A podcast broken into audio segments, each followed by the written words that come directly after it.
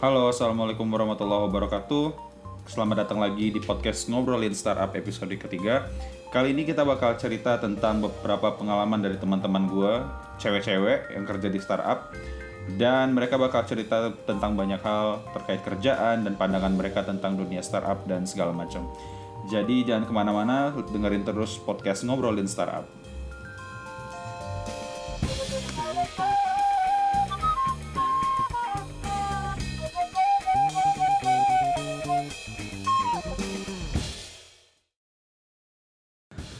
assalamualaikum warahmatullahi wabarakatuh. Kita kembali lagi di podcast ngobrolin startup bareng gue Imbre. Dan kali ini kita kedatangan tiga tamu spesial teman-teman gue, cewek-cewek kece, asik. Dia, eh, mereka pada kerja di sebuah perusahaan yang tidak ingin disebutkan namanya dan mereka juga tidak ingin disebutkan identitasnya karena takut terkenal. Oke. Jadi eh, langsung aja kita bakal hari ini kita bakal bahas tentang eh, topik mengenai kehidupan eh, orang-orang yang kerja di startup. Nah, kita langsung kenalan aja perkenalan diri dari siapa dulu nih? dari aku dulu aja deh. Oke. Hai, em, aku Linda, aku software engineer yang kerja di perusahaan itu, perusahaan X. Em, udah, ber- udah berapa tahun kerja, udah pernah kerja yang lebih kecil, sama di perusahaan yang lebih besar juga. Oke, mantap. Silakan selanjutnya. Uh, hai, nama gue Rosa. Gue juga kerja di sebuah startup sebagai software engineer. Ya, terus ketemu stakeholders gitu-gitu. Ya. Oke, silakan. Satu lagi tadi ada Rosa, ada Linda Oke, dan em, halo, eh, nama gue Aya. Gue software engineer juga. Udah beberapa tahun kerja. Beberapa tahun kerja di sebuah company. Em, sebelumnya pernah em, kerja juga di company lain yang lebih kecil dan juga mungkin levelnya sama dengan. Oke, sip. Jadi eh, pertanyaan pertama gue, kalian latar belakang pendidikannya sebelum kerja apa sih? Apakah eh, computer science atau non computer science? Kira-kira gimana? Computer science. Semuanya, oke, semuanya computer science ya. Oh, S1 ya? S1. S2. Oh, asik. Jadi gue pengen tahu kalian computer science dan kenapa sih kalian pengen dulu ngambil computer science? Gue mulai dari Rosa dulu deh. Ya, panjang sih ceritanya. Em, jadi gue merasa beruntung uh, soalnya uh, bokap gue emang dia agak melek teknologi walaupun dia backgroundnya bukan computer science ya. Terus gue ingat banget waktu kecil dibeliin game kayak typing game gitu. Dan gue merasa tergugah aja gitu kayak dari hal yang menyenangkan ternyata kita bisa belajar sesuatu. Habis itu gue juga diajarin kayak cara pakai Google habis itu semakin gue tua semakin gue tua semakin gue ya semakin gue besar gue menyadari kayak Google, Facebook, Microsoft Office itu kayak nggak lepas dari kehidupan kita. Jadi gue bisa ngeliat kayak software itu sebenarnya bakal stay dan bakal jadi nge-replace hal-hal yang sebelumnya bakal kayak memudahkan sekali lah kehidupan manusia. Makanya gue pengen banget Luar biasa. Jadi Sungguh software memotivasi sekali saudara Rosa ini. Kalau Ayah gimana nih? Eh, jadi awalnya sempat salah jurusan sih. Oh, serius? Iya, Gokil. jadi sempat salah jurusan dan in the end kayak bisa apa ya meyakinkan orang tua untuk milih bidang yang sekarang CS Em, pas salah jurusan ini ini medicine sih jadi kayak em, beda banget dengan bidang yang sekarang dan ketika di medicine ini malah fokusnya ngoding terus in the end berhasil meyakinkan orang tua dan eh, setelah diizinin untuk ngoding ini ketemu banyak orang-orang yang menurut gue keren banget sih jadi kayak gue banyak belajar dari mereka gimana best practice di um, software design dan lain-lain Oke. Terus satu lagi Linda. Kalau lu kenapa nih? Eh, peng eh, dulu ngambil computer science. Em, ada beberapa alasan ya, ada yang bodohnya, ada yang bagusnya, mulai dari bodoh dulu sih ya. Dulu tuh kalau merasa ya kalau kuliah, em, kan aku tuh senang belajar gitu ceritanya Ciela. Terus nyari apa sih kira-kira jurusan yang susah gitu istilahnya, challenging banget. Terus yang dari berbagai option, itu masuklah ke sebuah fakultas ini. Terus di fakultas tersebut pas lagi udah milih-milih mau eh, mau jurusan apa, kayaknya kalau matematika kelas-kelas sih katanya sih ini tuh cukup challenging gitu istilahnya kayak matematika banget tapi ada juga engineeringnya juga terus kayak bikin hal-hal yang abstrak ada di kepala lo aja akhirnya ya udahlah itu masuk IT itu kurang lebih kayak gitu Em, habis itu ya cukup maksudnya dalam proses pemilihannya juga sih sebenarnya banyak terinspirasi dari sekitar juga sih. Em, pertama punya teman-teman yang ternyata keren-keren gitu kan. Bisa istilahnya apa ya kalau programming itu kan kayak jadi Tuhan di dunia sendiri gitu kan. Kayak bendanya nggak ada nih tapi keren gitu. Bisa muncul website ya bisa muncul datanya kayak gitu. Tuh Tuhan. Dari Ber- coding. Dari coding. Iya cuman coding aja terus kayak Dari hulu. lo bisa punya dunia sendiri. Gitu sih. Oke, jadi eh, tiga orang ini punya latar belakang yang berbeda kenapa mereka milih CS. Nah, terus setelah kalian kuliah di CS sampai akhirnya kalian memutuskan kerja di perusahaan kayak eh, sekarang ini kayak yang bertema startup. Soalnya kan banyak nih cewek-cewek yang juga pengen hidupnya di jenjang yang kayak gimana ya s- stabil maksudnya sampai tua jaminan hari itunya aman kayak kayak gitu kayak corporate kenapa sih kalian lebih milih startup ketimbang dunia korporasi BUMN dan segala macam siapa dulu nih. Iya, deh. Um, jadi kalau misalkan dari gue sendiri sih karena gue masih pengen belajar dan lingkungan startup itu memungkinkan gue untuk um, istilahnya ngoprek hal-hal baru yang mungkin sebelumnya belum pernah gue pelajarin di um, dunia pendidikan gue jadi kayak lebih banyak kesempatan gue untuk belajar ketimbang corporate karena biasanya corporate itu cenderung tightly couple ke vendor yang ada oke jadi menurut lo eh, kalau di join join ke korporat yang gede mereka lebih mendelegasikan tugasnya ke vendor-vendor. Jadi lo nggak megang teknikal sama sekali kayak Iya. gitu. Kalau lo dulu deh lo lagi deh Rosa. Rosa. Yang pertama sih kalau gue liat corporate tuh terlalu apa ya rigid gitu sih kurang fleksibel. Uh, gue kurang suka kalau yang kayak rigid terus kayak birokrasinya panjang kalau startup kan biasanya kayak lebih open gitu kan buat buat teknologi baru changes terus kayak challenge-nya juga lebih menantang gitu kalau birokrasi kayak kalau mau ngerjain suatu challenge tuh jarang biasanya karena biasanya requirement saya ya gitu-gitu aja terus nge-solve juga gitu-gitu aja jadi susah untuk improve lah susah untuk dapat hal baru Jadi menurut lo birokrasi itu menghambat inovasi? Iya. Oke, menarik, menarik, menarik. Kalau menurut Linda gimana nih? Eh, kalau gue sih mikirin jadi kenapa kepikiran mau masuk startup itu dulu banget tuh sebenarnya pengen corporate gitu. Em, alasannya simpel sih karena yang karirnya udah pasti udah pasti terus habis itu ada banyak program training training yang di offer kan dan segala macam. Em, terus awal berubah pikirannya itu gara-gara teman-teman tuh banyak banget yang ke startup. Gue rasa 90% dari angkatan gue waktu gue lulus tuh masuk ke startup. Saya bikin small di- different ones lah. Em, jadi ngerasa kayak oke ini semua tahun pada ke sini nih. Terus ternyata pas gue udah masuk pun juga merasa emang freedomnya berasa banget sih. Freedom inovasi dan segala macam. Kayak seakan-akan tuh semua itu possible di startup gitu. Yang ngebatas kayak yang ngebatasin cuma imajinasi sendiri aja gitu. Imajinasi dan waktu. Paling gitu aja sih. Gokil. Eh, gue nanya ini bukan berarti gue mendiskriminasikan orang-orang yang kerja di BUMN ya, by the way.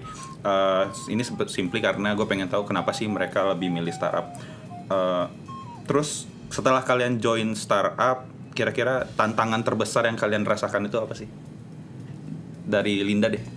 Tantangan apa pun, mau eh, terkait pekerjaan dan atau eh, hubungan dengan orang, komunikasi atau segala macam. Menurut lo gimana? Um, gue yang paling berasa sebenarnya masalah training program sih. Um, untuk seorang yang dari kecil tuh udah kepikiran gue masuk jadi PNS lah gitu-gitu.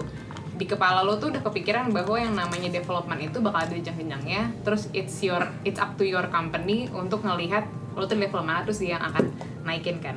Gue berasa banget di hari-hari pertama gue kerja di startup tuh gue bener-bener yang kayak gue duduk dikasih kerjaan terus kayak um, gimana ya dilepas dilepas banget kayak ya terserah lo bisa apa enggak yang penting lo harus harus kelar gitu. Em, di satu sisi tuh mengajarkan gue buat sangat adaptif ya gitu. Jadi gue merasa kayak kalau gue sekarang dilepas ke dunia nyata gitu gue akan bisa mengerjakan apa pun cuman em, gitu sih apalagi pas lagi baru lulus ya berasa banget kayak kok gue dilepas banget sih. Itu sih yang paling berasa menurut gue. Berarti tantangannya lebih untuk ke eh, apa, apa sih? Gimana caranya lu men-challenge diri lu sendiri untuk bisa belajar sendiri, Ya. otodidak. yes Oke oke. Kalau dari Ayah gimana? Um, kalau dari gue sendiri ada dua problem yang gue lihat sih. Pertama uh, kebebasan yang ada tuh malah kadang bikin kita bingung untuk mendesain sesuatu. Jadi Hmm, kayak menarik nih. um, kita kan mikir suatu software itu kayak desain pattern dan desain prosesnya kayak gimana kan dengan banyaknya choice yang ada dan latar belakang, belakang sebagai undergrads itu kayak kita dibiarkan untuk memilih mana yang cara mana yang terbaik yang bisa kita implement gitu. Jadi itu challenging sih. Terus karena latar belakangnya bukan orang yang sangat software engineering lebih kayak ke competitive programming gitu um, ternyata approach kita untuk menyelesaikan suatu masalah agak beda. Oh, Oke. ya terus yang kedua itu mungkin um, gimana cara kita uh, berkomunikasi dari satu tim ke tim lain. Karena kan setiap tim itu punya kepentingan masing-masing kan. Dan itu menurut gua um, soft skills kita itu ternyata sangat penting gitu bukan cuma hard skill doang technical skills tapi juga soft skill sangat penting kalau misalkan kita di dunia kerja Menarik nih. Jadi soft skill juga penting. Kemudian eh, gimana caranya biar bisa komunikasi dengan orang lain eh, dengan baik ya. Terus kalau menurut Rosa gimana nih? eh gue setuju dengan eh kita nggak usah tegang-tegang banget. Jadi kalau kalian pengen pengen eh, motong yang lain juga nggak masalah. Pengen tiba-tiba pengen nam- nambahin ada pendapat silakan silakan aja. Jadi biar nggak satu-satu gue nanya ini dulu nanya ini dulu. Jadi bebas aja. Nah sekarang eh nih gue mulai ke beberapa pertanyaan yang agak sensitif nih. Jadi gue kan megang komunitas salah satu komunitas tech di Jakarta.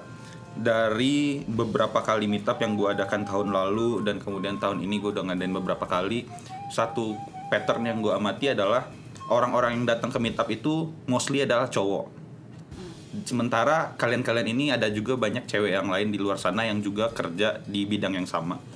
Eh, Bukan berarti gue bilang nggak ada cewek ya datang ke meetup eh, yang gue adain, tapi mostly cowok. Nah, kalian kan juga software engineer nih. Mungkin pekerjaan kalian juga berkaitan dengan apa yang dibahas di meetup meetup kayak gitu. Menurut kalian kenapa sih cewek-cewek pada nggak mau datang? Apakah karena merasa nggak penting event-event kayak gitu atau merasa uh, udah ngerti atau karena takut kebanyakan cowok? Menurut kalian gimana? gue pengen komentar sih soal yang ini Em, jadi kalau mas kalau menurut gue sedikitnya perempuan di meetup itu adalah sebab dan akibat sih itu adalah sebab dan akibat Em, karena perempuannya sedikit perempuan nggak mau join. Tapi ya karena pada nggak mau join ya sedikit. Ada jadi kayak Baiklah, baiklah. and egg problem. Uh, maksudnya kalau gue rasa sih sebenarnya kalau ditanya eh, apakah itu karena kita nggak mau ngeksplor atau segala macam tuh bukan seperti itu. Maksudnya gue rasa ya kita kita ini pas lagi kuliah lah contohnya. Gue termasuk yang kalau kuliah hari senin senin itu gue kayak selalu front row man Oh, iya. selalu front row. Asik. menanyakan pertanyaan sampai speaker bingung. Em, cuman yang gue sadarin banget tuh waktu gue masuk ke komunitas maksudnya berusaha masuk komunitas ya. Ya pertama kan perempuan ternyata dikit banget. Terus em, orang-orangnya itu kebanyakan bukan orang-orang yang gue kenal. Eh, jadinya kalau misalnya gue mau menanyakan pertanyaan biasanya cenderung jadi malu lah. Terus kayak kalau misalkan mau mau starting discussion ke sebelah kanan sebelah kiri lo malu juga. Mungkin karena gue merasa gini oh gue perempuan. Terus sebelah kanan gue tuh laki-laki. Biasanya kayak em, gimana ya jadinya berubah bukan objektif tapi jadi subjektif nih gitu apalagi kalau misalkan laki-lakinya yang maaf maaf aja ya mungkin yang agak jomblo-jomblo sedih kan Oh, takutnya lo dimodusin gitu. takutnya dimodusin Oh. jadi kayak sebenarnya itu hal-hal yang nggak penting cuman Insecure ya. Gue sangat merasa insecure oh jadi mungkin gue tau ini OT banget tapi just to be honest with you I recently berpikir apa gue datang ke meetup itu gue pura-pura pakai cincin kawin Oh. gue tau ini stupid banget tapi tapi gue juga berpikiran hal yang sama Tuh kan, supaya nggak di supaya nggak yang eh kenalan dong mau ngobrol ngobrolnya tuh ya udah gitu maksudnya Oh, Objektif- objektif maksudnya aja kalian lah. pengen kalau seandainya ada cowok yang ngajakin ngobrol ya udah mereka ngajakin ngobrol tentang apa yang dibahas di meet up bukan tentang yang lain-lain gitu loh. Iya. Oke oke oke. oke. Nih denger cowok-cowok yang datang meet up, ini alasan kenapa cewek-cewek tidak mau datang meet up karena kalian modus. Enggak. Terus ada pandangan lain nggak? nggak tahu sih benar nggak ya ini masih hipotesis aja Iya, nggak apa-apa. kalau komunitas lu kan agak berbau-bau DevOps. Iya iya iya. DevOps itu kan sejarahnya ini nggak tahu ya benar atau enggak ya. Itu biasanya pekerjaan malam. Oh, yang kayak- dulu ya. iya dulu dulu. Tapi kayak mungkin kayak itu salah satunya kayak kenapa uh, komunitas cewek emang niche gitu di sana. Tapi kayak setelah sekarang kayak DevOps sudah ada udah pada kerja di siang hari. Udah mulai banyak sih kayak ya kita ke arah sana lah Iya. Nih. Jadi kira-kira dulu waktu gua eh, sebelum gua kuliah tahun 2016 m- komunitas ini nggak ada. Kalaupun ada emang kebanyakan cowok. Terus sekarang mulai ada cewek berarti lu ber apa sih? Lu memprediksi nanti tahu beberapa tahun lagi cewek buka bakal mulai Iya. banyak. Oke. Kalau menurut lu gimana ya? Eh, kalau misalkan menurut gue sih satu kadang gue ngerasa insecure juga ketika gue datang Em, pernah nggak tahu sih ini gue ngerasanya adalah ketika gue datang ke suatu meet up terus gue coba ngajak orang-orang di sebelah gue ngomong technical adalah uh, gue nggak didengerin gitu. Padahal Oh. gue beneran ngobrol secara technical gitu ngajak mereka untuk diskusi suatu hal yang emang technical dan ketika ada temen gue cowok yang datang uh, dia speaker.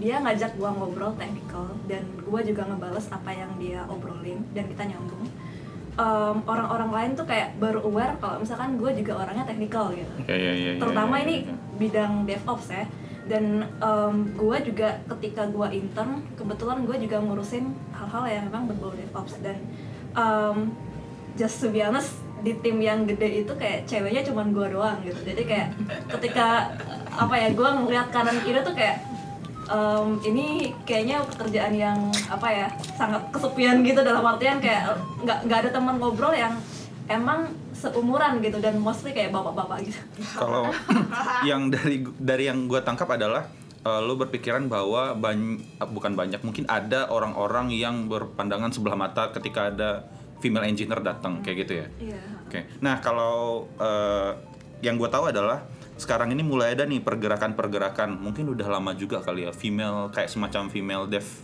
kayak kayak gitu. Gue lupa. Gue pernah lihat beberapa kali di internet itu ada eh, kayak semacam eh, cewek-cewek yang pengen belajar teknologi mereka ngumpul sama cewek-cewek terus ntar fasilitatornya juga dari cewek-cewek engineer yang udah lumayan senior buat nge-share tentang teknologi yang pengen mereka pelajari lah intinya kayak gitu. Kalau menurut kalian eh, hal itu gimana sih? Apakah emang seharusnya seperti itu karena kalian merasa di komunitas yang pada umumnya kalian merasa kurang dapat tempat atau gimana? Atau ada pandangan nggak?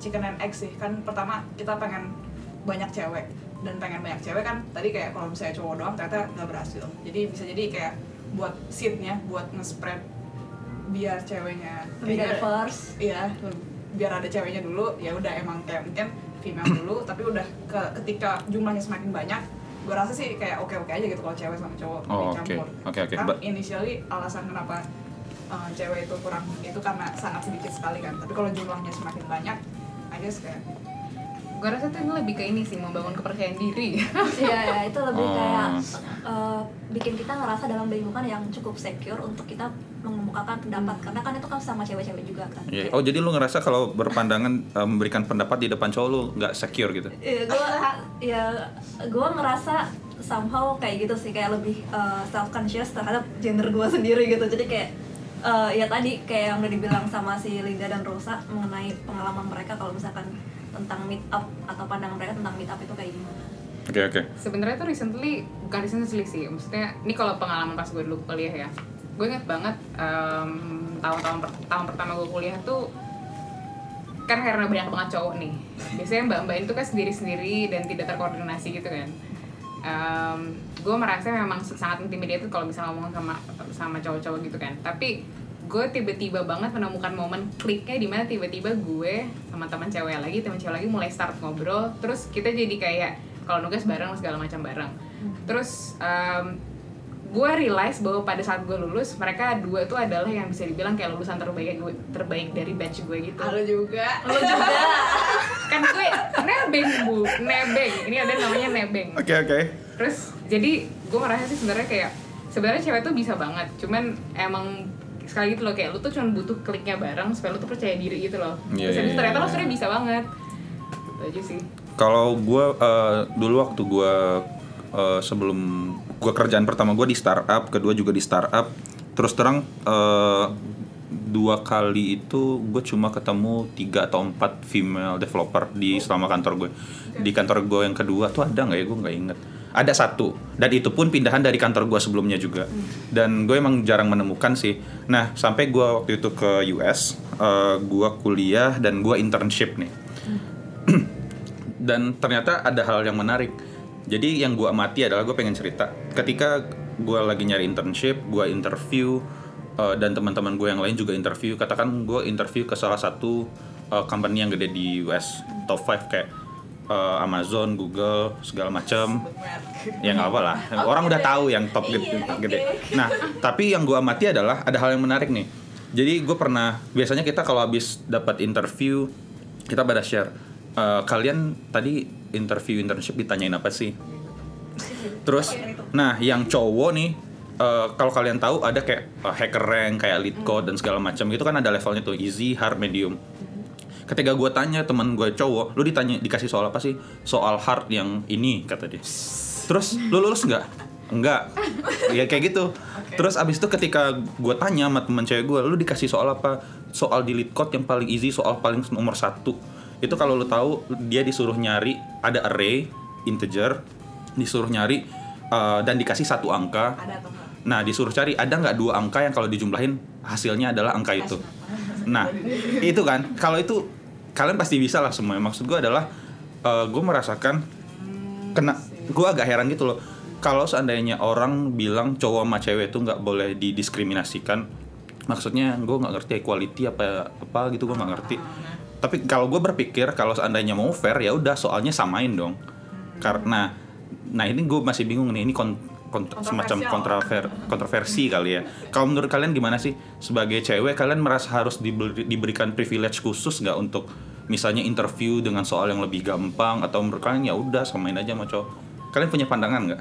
gue mau share dulu sih Eh. kalau misalkan soal ini gue pernah apply di beberapa perusahaan ya yang bisa dibilang cukup gede juga dan tuh biasa ketika gue share ini ke teman-teman gue yang lain gue dapet soal yang tergolong hard gitu kan.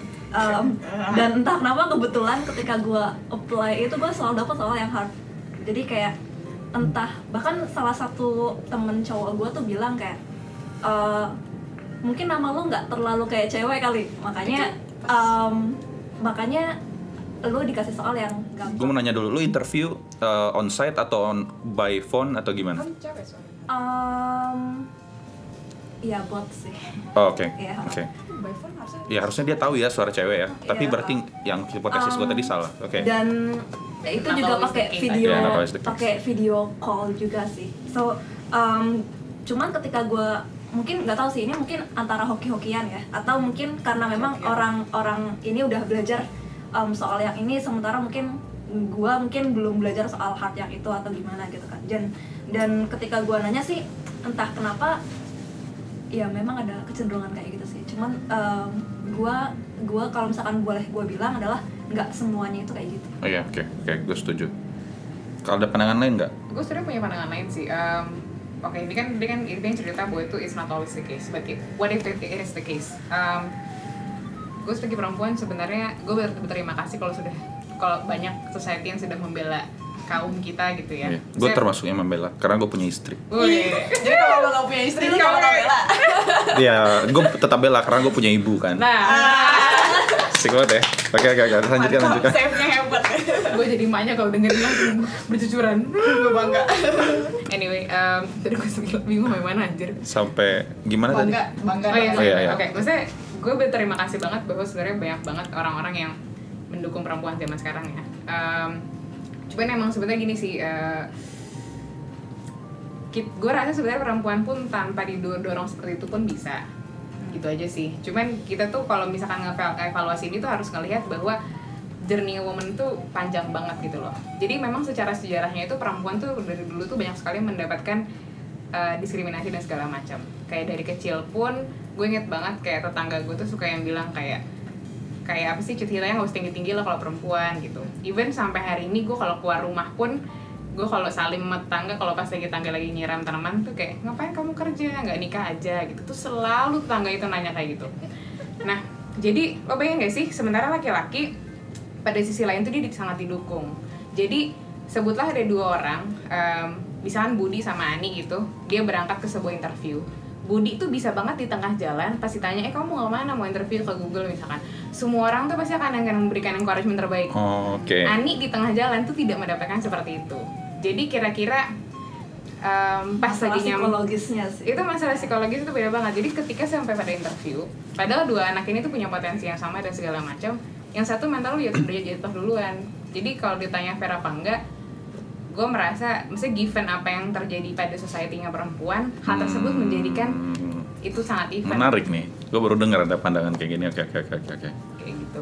Itu aja sih. Em, maksudnya gitu ya. Maksudnya gue rasa tetap aja sih eh, mungkin kalau misalnya yang denger berpikir kayak ya gue nggak gitu yang perempuan kok. Ya lo tidak gitu yang perempuan. Terima kasih sudah melakukan hal itu. Cuman di ya luar kita sana. kita sebut fakta aja lah gitu. Maksudnya gitu. Gitu aja sih. Kalau ada tambahan nggak, Rosa? Itu kayak gimana ya maksudnya kayak bener juga dari Linda kayak maksudnya uh, equality-nya nggak bisa dilihat dari interviewnya doang tapi juga dilihat dari Secara keseluruhan ya, big picture. Oke. uh, terus ya bisa jadi yang interview itu ya gue nggak tahu sih mungkin kayak company-nya juga punya mungkin ada matrix kayak oh dia gender gendernya harus 50-50 gitu kalau kalau Oke, kita kan benar. nggak mau ya dia mesti ngelowin barnya Gue nggak tahu sih apakah hal itu ada, tapi gue pernah dengar hal-hal semacam itu kalau nggak salah. Makanya kalau lo perhatiin eh, sekarang itu company-company gede eh, dan yang gue rasakan kayak di Indo, contohnya Google, itu mulai nge-encourage partisipasi eh, female developer untuk berbagai kegiatan engineering. Biasanya ada. Contoh, contohnya kemarin nih kayak eh, kita ngadain workshop, eh, mereka pengen banget eh, paling nggak ada 20 sampai 30% pesertanya cewek. Walaupun ketika hari H cuma ada dari 50 orang cuma ada 2 sampai 3 orang.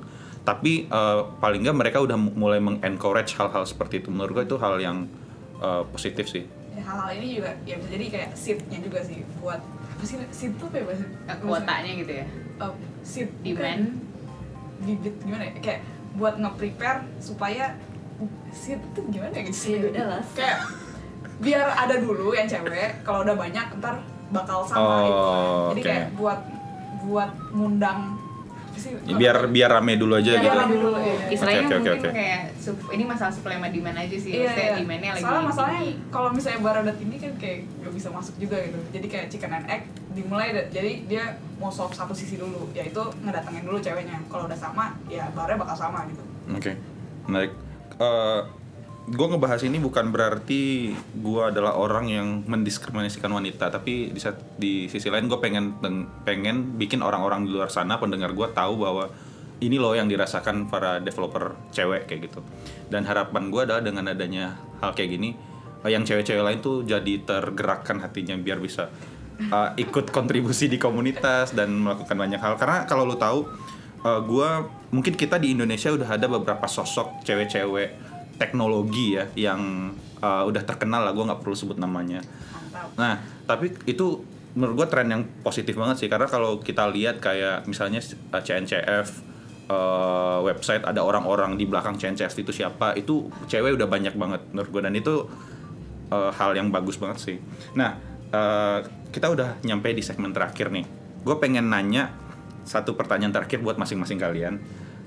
Uh, apa sih saran terbaik kalian untuk uh, para developer cewek? Ada nggak sih yang pengen kalian sampaikan? Maksudnya saran terbaik lah untuk developer cewek di, di luar sana. Kira-kira ada masukan nggak? Atau kata-kata penyemangat gitu?